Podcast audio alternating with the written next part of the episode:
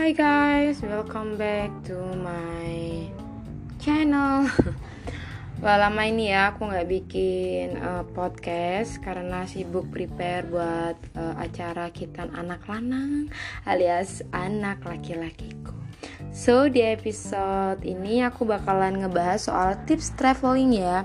Kalian yang ngikutin aku di mensosku pasti udah tahu kan Kalau hampir tiap bulan aku keluar negeri. Bukannya sombong ya Tapi itu memang pekerjaan aku sebelumnya.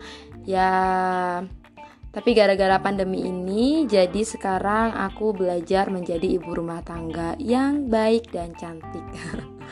Oke langsung aja di episode ini aku bagi-bagi tips jalan-jalan ke Kuala Lumpur 3 hari 2 malam dengan budget 2 jutaan atau sekitar 2,5 juta gitu ya Oke okay guys, yang pertama tiket pesawat.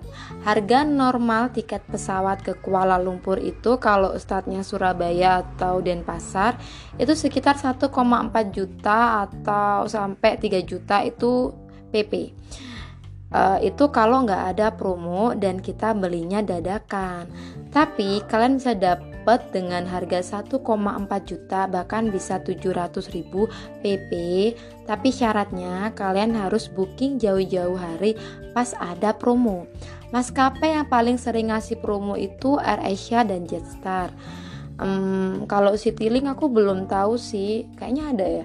Aku belum pernah pakai Citylink. Aku belum pernah pakai uh, Citylink. Cuma emang ada ya? Ada nggak sih? Oke, okay, sorry.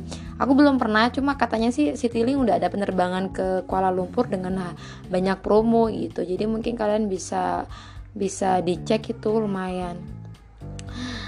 Nah, di episode selanjutnya mungkin aku bakalan ngasih tips gimana bisa dapat tiket murah dan aplikasi apa aja sih yang bisa buat kalian dapat informasi-informasi tentang tiket murah yang gak hoax. Karena kan banyak ya sekarang ya aplikasi-aplikasi beli tiket yang hoax. So, kita ambil harga rata-rata aja ya di sekitaran 1,4 juta untuk PP. Selanjutnya, saat kalian sudah sampai di KLIA, kalian bisa naik MRT, KRL, LRT, atau KLIA Express atau Grab. Cuma guys, buat yang traveling on budget kayak aku ini, aku ngerekomenin mending pakai bis aja atau skybus dengan tujuan KL Central.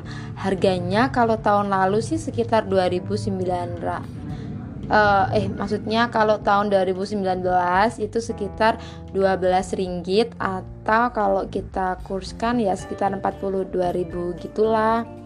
Nah, kalau untuk penginapan, kalau solo traveling aku lebih suka penginapan yang dormitory room. Jadi biasanya sih aku cari dormitory yang mix gitu. Jadi kan bisa sekalian kenalan sama orang-orang. Kalau dulu waktu masih single, ya sekarang udah nggak single jadi kayaknya udah nggak bisa yang dormitory yang mix-mix gitu deh.